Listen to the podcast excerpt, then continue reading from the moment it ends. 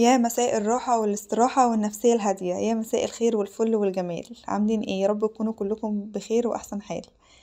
جايلكم النهاردة بقى بشخصية جديدة هنتعرف عليها سوا ونعرف إيه هي مميزاتها ونفهمها أكتر وأكتر. شخصية الحلقة بتاعت النهاردة هي الشخصية الانطوائية. في الحقيقة كده لما جيت أدور عشان أعرف إيه هي الشخصية الانطوائية كنت فاكرة إن أنا هلاقي عنها سلبيات كتير. كنت فاكرة إن أنا هلاقي عنها عنها كذا نقطة كده بتبين إن الشخص الانطوائي ده شخص وحيد شخص كئيب شخص منفرد شخص يعني حاجات سلبية كتير. بس الحقيقة كمان بقى لقيت إن الشخصية الانطوائية دي إحنا كنا فاهمينها كلنا غلط. وما بنسمع إن شخص عنده انطوائية يبقى ده كده شخص نبعد عنه أو مش هنعرف أصلا نقرب منه.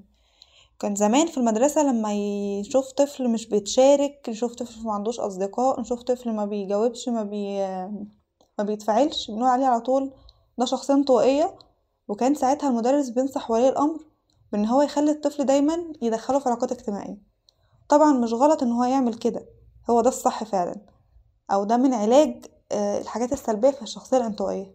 لكن الأهم إن هما ما كانوش بيعرفوا يحطوا إيديهم عن المميزات في الشخصية الانطوائية.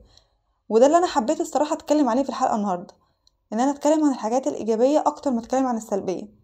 لأن زي ما قلت إن الشخصية الانطوائية سلبياتها باينة للكل أو النقط الضعف عندها باينة للكل. لكن نقط القوة والحاجات الإيجابية دي مش محدش بيتكلم عنها. عشان كده حلقتنا كلها هتكون عن الحاجات الإيجابية في الشخصية الانطوائية. أول حاجة الشخصية الانطوائية هي شخصية متزنة التفكير.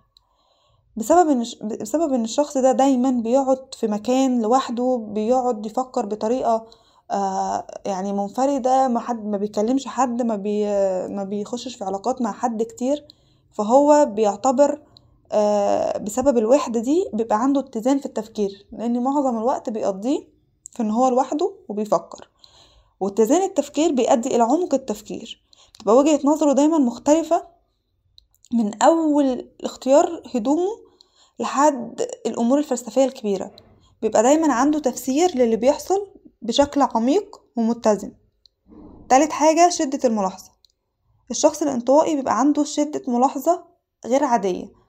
بتبقى ملاحظة عن الآخرين كمان إن هو بيلفت نظره اللي ما بيلفتش نظره أي حد.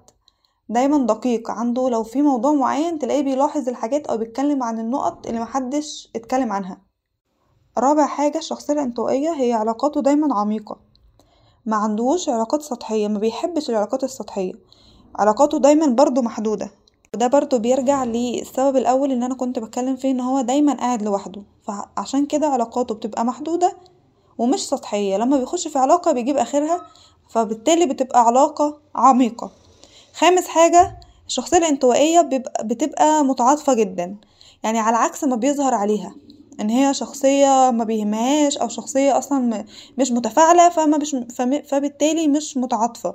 لكن بالعكس الشخصية الانطوائية بتبقى متعاطفة جدا لأن علاقتها عميقة. فأي حد علاقته بيه بتبقى عميقة بيؤدي إلى التعاطف ال ال الإيجابي. سادس حاجة الشخص الانطوائي ده شخص مستقل ما بيعتمدش على حد.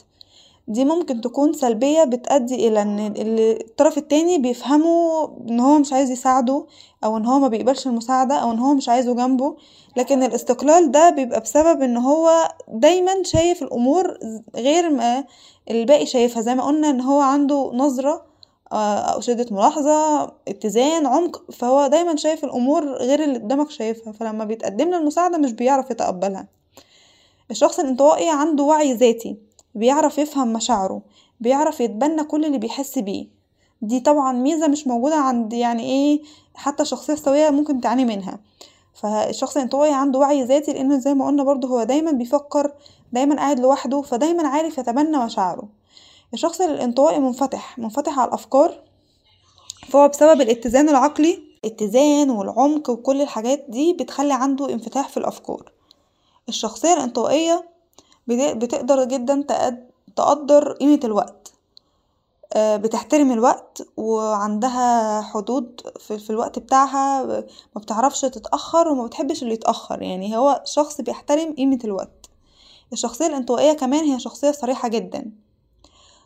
زي ما قلنا هو شديد الملاحظة ومستقل فهو بالتالي عنده حتة الصراحة دي إن هو مبيعرفش يجامل حد بشكل كبير. يعني شكل ممكن نقول بيوصل هو يعني إيه مش عايزين نقول الصراحة اللي هي البجاحة بس هو مبيعرفش يجامل حد.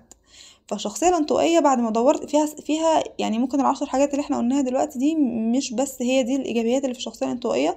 الشخصية الانطوائية فعلا مليانة صفات إيجابية بشكل كبير. يعني أنا حسيتها إن هي لأ يعني إحنا كنا ظالمين الشخصية الانطوائية معانا. الشخصية الانطوائية بس عايزة حد يفهمها. عايزة حد يعرف إن هو بيتعامل مع الشخصية الانطوائية عشان يفهم الحاجات النقط اللي إحنا قلناها دي أصلا ممكن تتفهم غلط بالنسبة لناس تانية.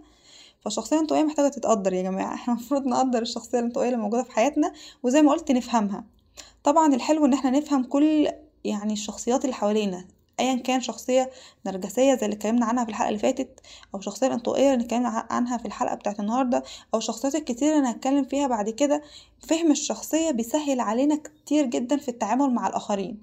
ويا بقى لو الآخرين دول أصلا في الدايرة بتاعتنا يعني أبويا أمي أخويا زوج زوجة الحاجات دي بتسهل جدا الفهم والتعامل والحياة بشكل عام. فدايما نفهم إن إحنا لازم نفهم نفسنا ونفهم اللي حوالينا. وبكده نكون اتعرفنا على الشخصية الانطوائية في حلقه النهارده فاستنونا بقى إن شاء الله في حلقة جديدة في نفس الميعاد الأسبوع الجاي مع نوع شخصية جديد. دمتم في رعاية الله وحفظه.